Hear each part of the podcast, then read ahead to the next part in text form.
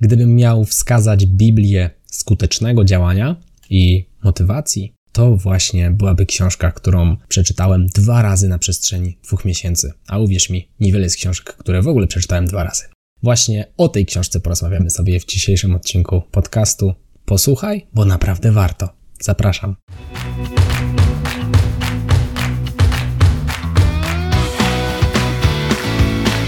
Chcesz przenieść swoją karierę na wyższy poziom?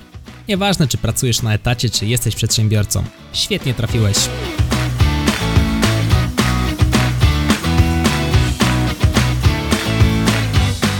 Nazywam się Michał Kowalczyk i witam Cię w Excellent Work Podcast.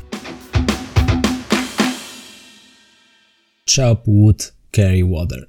Joshua Metcalf. Świetna pozycja, w której po prostu się zakochałem. Totalna kopalnia cytatów. I teraz oczywiście ten podcast będzie zawierał spoilery, a więc jeżeli planujesz czytać tę książkę, możesz zostawić sobie przesłuchanie tego odcinka po jej przeczytaniu, albo z racji tego, że jest to książka tylko w języku angielskim, możesz posłuchać takiego mojego polskiego streszczenia.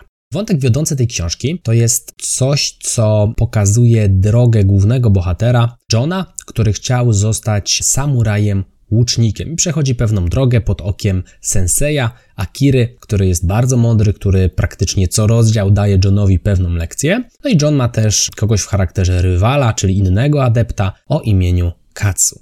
Wątkiem wiodącym całej książki, taką myślą przewodnią, jest pokazanie, że bycie w czymś naprawdę dobrym, w sensie klasy światowej, osiągnięcie jakiegoś poziomu mistrzostwa, to nie jest sexy sprawa. W sensie droga dochodzenia do tego punktu no nie jest sexy. To nie jest jedno zadanie, które sobie po prostu odhaczamy, tylko to jest pewien proces, który trzeba przejść. I teraz sam ten proces jest dość nudny, powtarzalny, no i trwa długi czas. O tym jest ta książka, w takim dużym skrócie w kilku zdaniach. I teraz sama pozycja jest kopalnią cytatów. Przejdziemy sobie teraz przez kilka z nich. A więc zakochaj się w procesie, pokochaj rąbanie drewna i noszenie wody. Tytułowe Chobut Carry Water. Teraz, co się pod tym kryje, opowiem za moment. Natomiast tu chodzi właśnie o to, aby skupić się na tych małych kolejnych czynnościach, a nie patrzeć na cel. Aby działać w teraźniejszości, musisz żyć teraźniejszością. To teraz moje polskie tłumaczenie pewnie nie jest idealne. Cytat w języku angielskim to jest To play present, you must live present. Chodzi o to, że jeżeli będziemy skupiali się na tym, co się zaraz stanie, jeżeli będziemy żyli przyszłością, nie będziemy w stanie w 100% skupić się na tu i teraz. To będzie na nasze plecy dokładało kolejną presję. I tutaj myślę, że przykładem dobrym jest rozmowa kwalifikacyjna, sytuacja w moim biznesie. Jeden z kursantów miał mieć rozmowę kwalifikacyjną, rozmawiał ze mną i powiedział mi, że firma, do której aplikuję, jest taka wspaniała, pracują tam wspaniali ludzie i on bardzo chciałby tam pracować. I tutaj ewidentnie kursant skupił się nie na samym procesie, a na celu. Chciał tak bardzo pracować w tej firmie, że w momencie, gdyby poszedł w tym stanie na rozmowę o pracę, przytłoczyłaby go presja osiągnięcia celu. Powiedziałem mu, żeby w sumie olał takie myślenie, raczej skupił się na swoich kompetencjach, aby na rozmowie o pracę myślał o kolejnych zadaniach, które zostaną mu powierzone, a nie o tym, że on musi wypaść świetnie. Bo jeżeli skupi się na tym, aby wypaść świetnie, to świetnie nie wypadnie, bo z jego po prostu presja. Presja będzie działała na jego niekorzyść. I właśnie o to tutaj chodzi. Aby działać w teraźniejszości, musisz żyć teraźniejszością. Musisz być tu i teraz, a nie patrzeć się w przód. Nie możemy patrzeć ani co się zaraz stanie, ani co się stało. Musimy się skupić na tym, co teraz się dzieje, bo tylko na to mamy wpływ. Kolejny cytat. Musisz zrezygnować z wyniku i zaangażować się w proces. Inaczej staniesz się swoim największym wrogiem. No właśnie, kolejny cytat, który świetnie sprawdza się w sytuacji na przykład rozmowy o pracę. Jeżeli faktycznie nabudujesz w swojej głowie oczekiwania, to sam będziesz działał na swoją niekorzyść. Będziesz sam obniżał swoje kompetencje skupianiem się na rezultacie, a nie na procesie. Porównywanie się z innymi to złodziej całej przyjemności. Tutaj kolejny cytat. Fenomenalny cytat, który mocno opiera się o to, co dzisiaj dzieje się w mediach społecznościowych. Rozwiniemy ten cytat dosłownie za moment. Nieważne co się dzieje, rąb drewno i noś wodę, czyli bez względu na to, co cię otacza, bez względu na sytuację, w której jesteś, skupiaj się na procesie. Bardzo łatwo z tego procesu jest wyjść, odciągnąć się od procesu, co spowoduje, że jednak nie osiągniesz tej doskonałości, nie osiągniesz poziomu mistrzowskiego. Kolejny cytat. Pamiętaj o swoich wartościach i zasadach. Te dwie rzeczy pozwolą ci przetrwać trudny czas. I właśnie dlatego warto mieć swoje zasady i warto mieć swoje wartości, bo w momencie, kiedy przychodzi moment zachwiania, można sobie je przypomnieć, do nich wrócić i ich się trzymać. Tutaj fajnie działa na przykład religia, i tutaj nie chodzi o to, że ja cię tutaj teraz chcę ewangelizować. Natomiast jeżeli spojrzymy sobie na przykład na Pismo Święte, tam są jasne zasady, którymi warto podążać i do których zawsze możemy wrócić, kiedy czegoś nie jesteśmy pewni. Świetnie to właśnie religia pokazuje.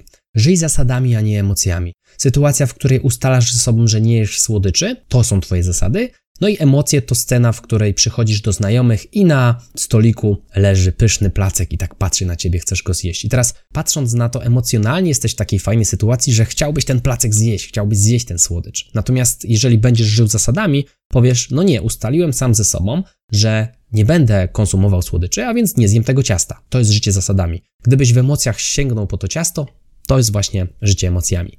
Każdy chce być wielki, dopóki nie przyjdzie czas, gdy trzeba robić to, co wielkość wymaga. Fenomenalny cytat, który znowu mocno wiąże się z mediami społecznościowymi, ale też z takim codziennym naszym byciem, oglądaniem tych wszystkich wspaniałych sportowców, czy ludzi, którzy coś w życiu osiągnęli w rozumieniu takim społecznym, czyli mają jakiś wielki majątek, fajną firmę, rezultaty w swoich branżach, czy to właśnie sporcie, czy innych, bardzo często mówimy, że no wow, nie, super fajnie mu to wyszło. Natomiast jeżeli mielibyśmy przejść drogę do tego mistrzostwa, którą oni przeszli, bo to rzadko kiedy dzieje się z dnia na dzień, okazuje się, że nie jest wcale tak wspaniale, że trzeba chodzić na treningi, czasami kilka razy dziennie, że trzeba podejmować trudne decyzje, ryzykować całym swoim majątkiem, organizować sobie jakieś dofinansowania itd., tak itd., tak rzeczy, które nie są wcale takie proste do zrobienia. I teraz jest kilka takich grubszych podsumowań, które myślę warto by tutaj wypunktować i pięć dużych nauczek z tej książki. Pierwsza z tych dużych nauczek to jest skoncentruj się na rąbaniu drewna i noszeniu wody, czyli właśnie skup się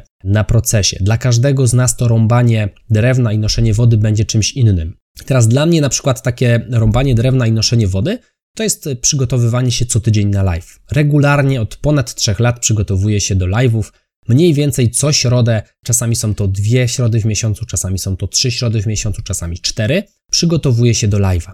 Codziennie, jeżeli wydaję kurs, pracuję nad kursem. Przygotowuję kolejną małą lekcję, kolejny moduł, kolejne nagranie. Ten mały proces, który zbliża mnie do rezultatu końcowego. Codziennie staram się przeczytać chociaż trochę książki, żeby czegoś nowego się dowiedzieć, żeby przemyśleć sobie sprawę. Taka mała rzecz jak 10-15 minut z książką w skali roku powoduje naprawdę ogromną liczbę godzin i liczbę przeczytanych książek. W momencie, gdy nagrywam dla Ciebie ten podcast, jest początek kwietnia ja na ten moment przeczytałem w tym roku już 12 książek tą metodą. I teraz to są dla mnie te rzeczy związane z rąbaniem drewna i noszeniem wody. Dla ciebie to mogą być inne rzeczy. Dla ciebie to może być na przykład codzienna nauka z kursów, jakieś 15 minut z językiem angielskim, codzienne bieganie po kilka kilometrów, jeżeli przygotowujesz się na przykład do jakiegoś maratonu albo ważnego biegu. Jeżeli chcesz być sportowcem, to codzienne chodzenie na treningi, czyli coś, co jest powtarzalną czynnością wykonywaną regularnie, ale z punktu widzenia tej jednej czynności ona wydaje się być nieistotna. W skali lat będzie istotna, będzie najważniejsza. I teraz, czy to jest sexy? W sensie takie powtarzanie. No nie jest sexy. Ludzie z boku na to patrząc powiedzą, no znowu idziesz na ten trening i nuda, nie? W kółko to samo.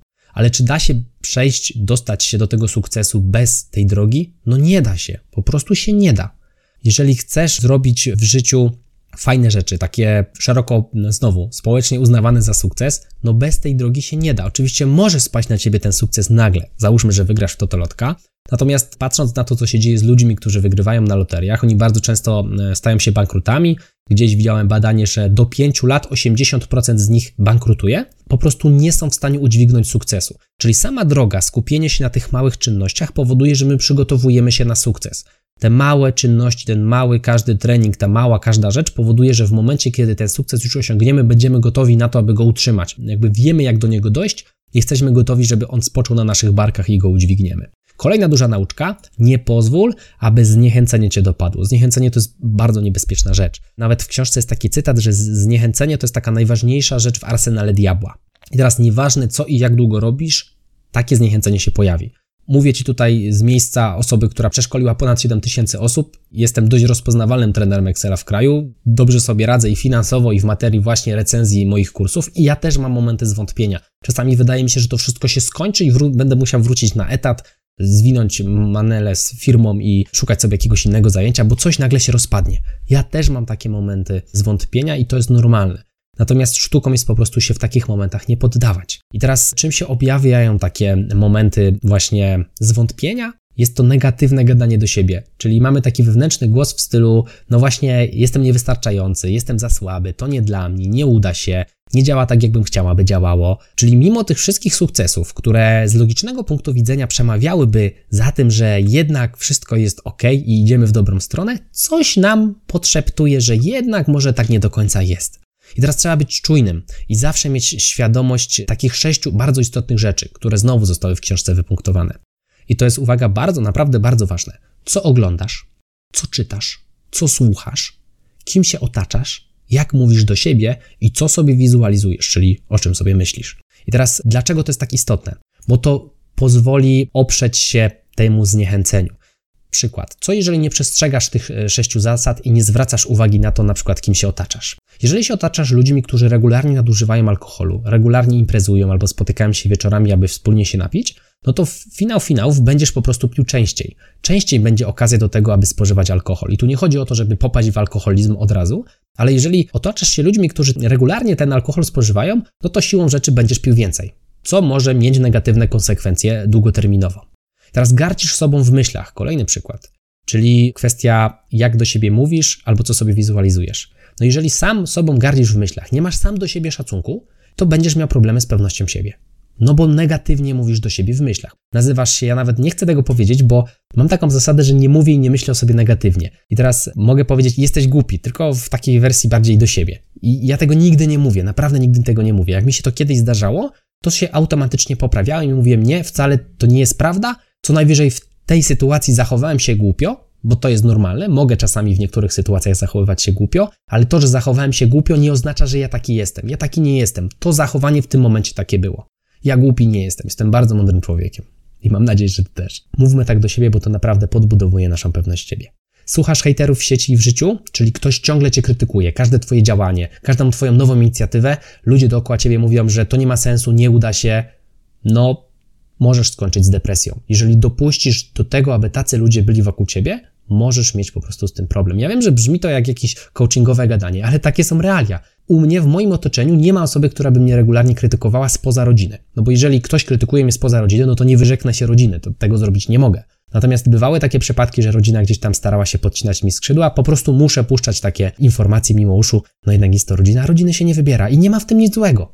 Szanujemy się wzajemnie, grunt to się szanować, Natomiast gdyby jakiś znajomy starał się mi podciąć skrzydła, no to niestety odciąłbym kontakt e, z taką osobą, no bo jakby nie wnosi nic wartościowego, krytykując mnie regularnie na każdym kroku. I teraz, jak bardzo będzie to mm, brzmiało dosadnie? Wyrzuć śmieci i zacznij działać. Wyrzuć śmieci ze swojego życia. Czyli zwracaj uwagę na to jeszcze raz, co oglądasz, co czytasz, co słuchasz, kim się otaczasz, jak mówisz do siebie i co sobie wizualizujesz. To jest bardzo istotne, żeby trzymać się tych sześciu zasad. Znajdź ludzi, którzy cię wspierają. Nie zwracaj uwagi na krytykę. Nigdy nie mów do siebie negatywnie. To cię utrzyma w gazie, czyli w momencie, kiedy dopadnie cię zniechęcenie, a wokół siebie będziesz miał wspierające osoby, będziesz mówił do siebie pozytywnie, to na poziomie podświadomym po prostu wyciągniesz się stamtąd. Teraz ja mam po to na przykład spotkania grup mastermind, gdzie mam inspirujące osoby. Znam ludzi z branży, którzy też starają się robić fajne rzeczy w życiu, po prostu tak po ludzku robić fajne rzeczy w życiu. I my się spotykamy, nie zawsze rozmawiamy o biznesach, bardzo często, ale na koniec dnia mamy podobne wartości, podobne relacje i wspieramy się wzajemnie, bo każdy z nas ciśnie, kolokwialnie mówiąc. Jednym idzie lepiej, drugim idzie gorzej, ale nie ma w tym nic złego. Wspieramy się wzajemnie, staramy sobie pomagać, doradzać, polecać się dalej. Dlaczego? No bo po prostu takie mamy wartości. Nie podcinamy sobie skrzydeł, raczej jak już przychodzi krytyka, też się oramy, kolokwialnie mówiąc, ale to jest bardzo konstruktywna krytyka, ciężko ją przełknąć, natomiast jak się już ją przełknie, okazuje się, że w zasadzie to ta osoba miała rację, mimo że ego boli, to jednak te zmiany czasami warto wdrożyć, a więc nie każda krytyka jest negatywna, taka w sensie hejterska, niektóre krytyki są konstruktywne i na taką oczywiście gorąco Cię zachęcam. Kolejna nauczka, nauczka numer 3. Trawa nie jest bardziej zielona u sąsiada, trawa jest bardziej zielona tam, gdzie ją podlewasz bardziej. A więc efekt social media, czyli jeżeli włączymy sobie Instagramy, Facebooki i inne media społecznościowe, fura, skóra, komura i hajsy. Z góry na dół wszystko pięknie wygląda i co się pojawia? Pojawia się u nas efekt porównania. Patrzymy na kogoś, kto ma jakąś piękną furę i mówi, kurczę, ja to biznes już tyle prowadzę, czy tam ja tam na etacie takie fajne stanowisko mam i nie mam takiego samochodu, bo mnie najzwyczajniej w świecie na to nie stać. I teraz co się dzieje? Pojawia się takie, mimo że jesteśmy w fajnym miejscu, jest nam przykro, bo widzimy, że ktoś ma takie super fajne rzeczy, a my takich fajnych rzeczy nie mamy, mimo że jesteśmy w bardzo ciekawym miejscu. I tam jest taki fajny cytat: Porównanie kradnie całą zabawę. A comparison is a thief of all joy. Porównanie jest złodziejem całej zabawy, całego takiego fanu, radości. No właśnie, to co widzimy w sieci to nie jest zawsze prawda. Widzimy znowu pewien element, pewien ułamek. Bardzo często te samochody niestety są wypożyczone, ale to zostawmy już na boku. Widzimy tylko efekt, a nie widzimy całej drogi. Nie wiemy, ile ta osoba musiała się namęczyć, żeby taki samochód kupić czy mieć taki dom. Tak po ludzku. Nie wiemy, co tam z tyłu jest na tak zwanym backendzie, co tam z tyłu jest, jaka była droga, jaka była historia tej osoby. I teraz, jeżeli skupimy się za bardzo na życiu innych, nie będziemy mieli czasu na to, aby przeżyć swoje. A właśnie w, w Kerry Water zależy nam na tym, aby, aby skupiać się na swoim życiu. W momencie, kiedy dopada nas taka sytuacja właśnie jest mi smutno, bo ktoś ma więcej, w sensie łatwo mu przyszło to, że ma więcej, ja tak się tutaj męczę i, i mam pół z tego, co on. Gorąco zachęcam do tego, aby być wdzięcznym. I to świetnie działa, wdzięczność. Czyli w momencie, kiedy nas dopada takie uczucie, zachęcam do tego, aby po prostu usiąść i się zastanowić. Dużo osób ma więcej od nas, ale jeszcze więcej ma mniej. Jeżeli spojrzymy w skali świata, jesteśmy, żyjemy w Europie, naprawdę Europa, jeżeli chodzi o finanse, świetnie sobie radzimy. Nawet gdybyśmy zarabiali najniższą krajową, nadal jesteśmy znacznie bogatsi niż znaczna część ludzi żyjących na tej planecie. I teraz warto po prostu usiąść i się zastanowić, za co jesteśmy wdzięczni. Tylko tak naprawdę się zastanowić. Za zdrowie, że mamy ręce, że mamy nogi. Może, może nasi rodzice jeszcze żyją, możemy i z nimi porozmawiać, może mamy dzieci, może mamy kochającą żonę.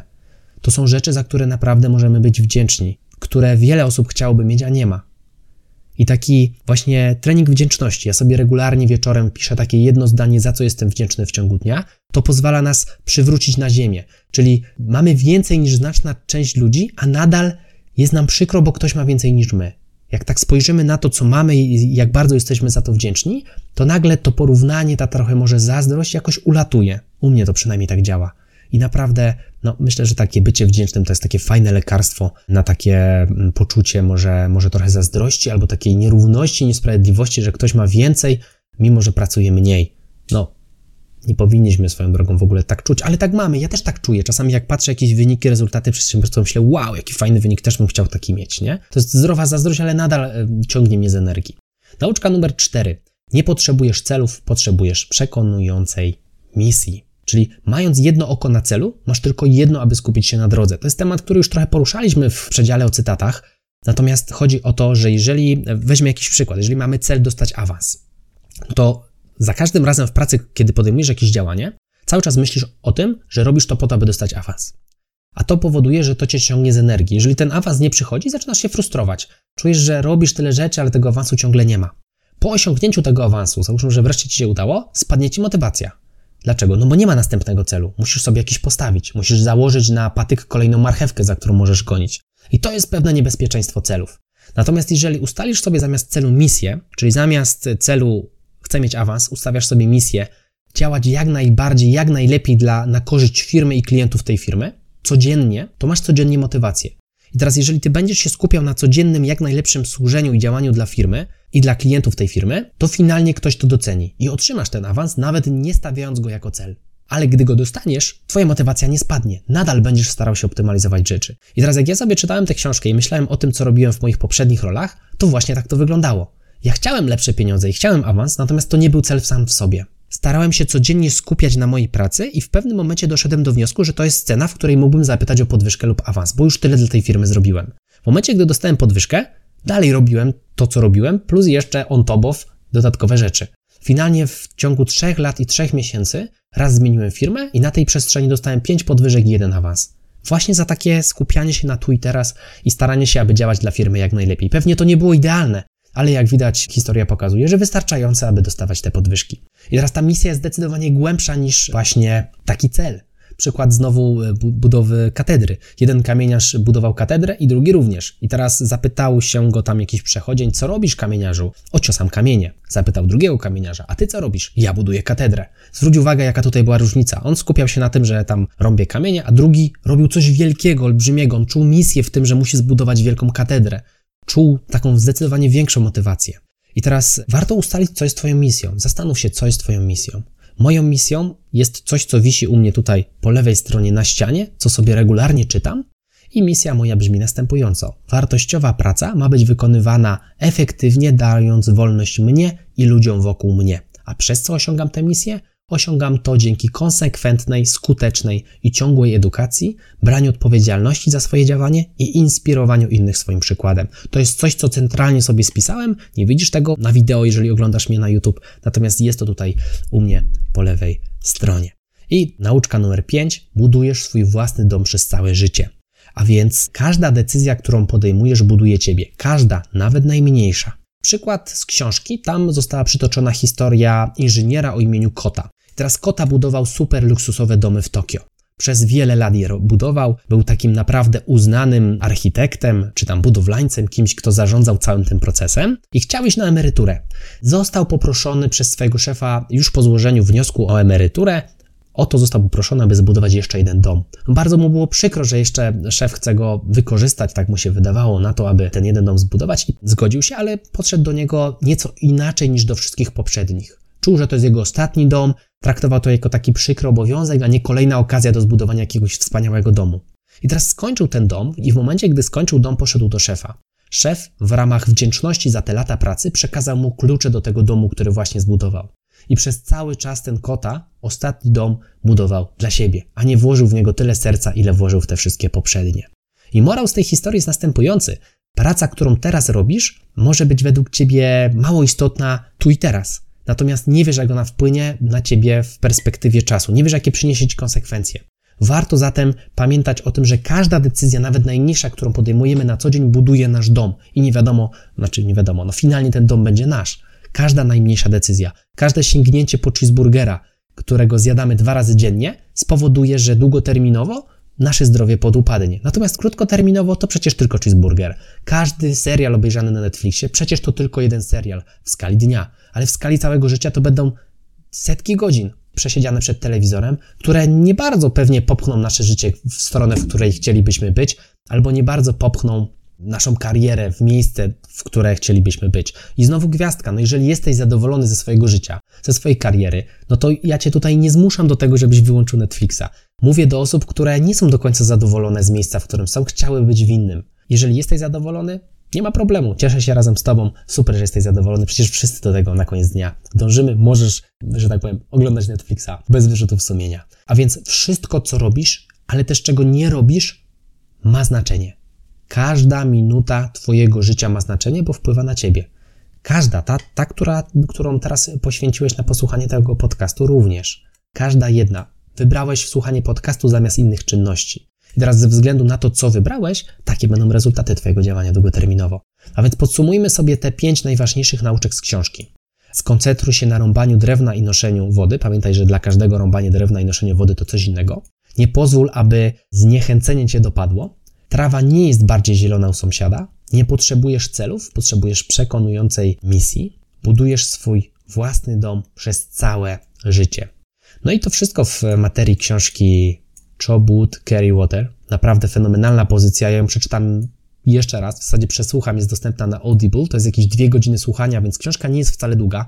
Każdy rozdział wnosi fajną naukę. Oczywiście wszystkich nauk tutaj nie przekazałem, natomiast wierzę w to, że zainspirował Cię ten podcast. No i sięgniesz po tę książkę, naprawdę warto. Szkoda, że jest w języku angielskim, no pewnie to zmienia trochę dostępność dla niektórych słuchaczy. Zakładam, że nie każdy płynnie posługuje się tym językiem i nie ma w tym znowu nic złego, no ale niestety takie są tutaj warunki. Możemy jej posłuchać w języku angielskim. Tymczasem serdecznie dziękuję Ci za ten czas, który tutaj dzisiaj ze mną poświęciłeś. Jeżeli podoba Ci się ten podcast, zachęcam Cię do tego, abyś wysłał go jednej osobie. Co najmniej jednej osobie, będę Ci za to bardzo wdzięczny. To był Excellent Work Podcast. Ja się nazywam Michał Kowalczyk. Do zobaczenia albo do usłyszenia w kolejnym odcinku. Trzymaj się, hej.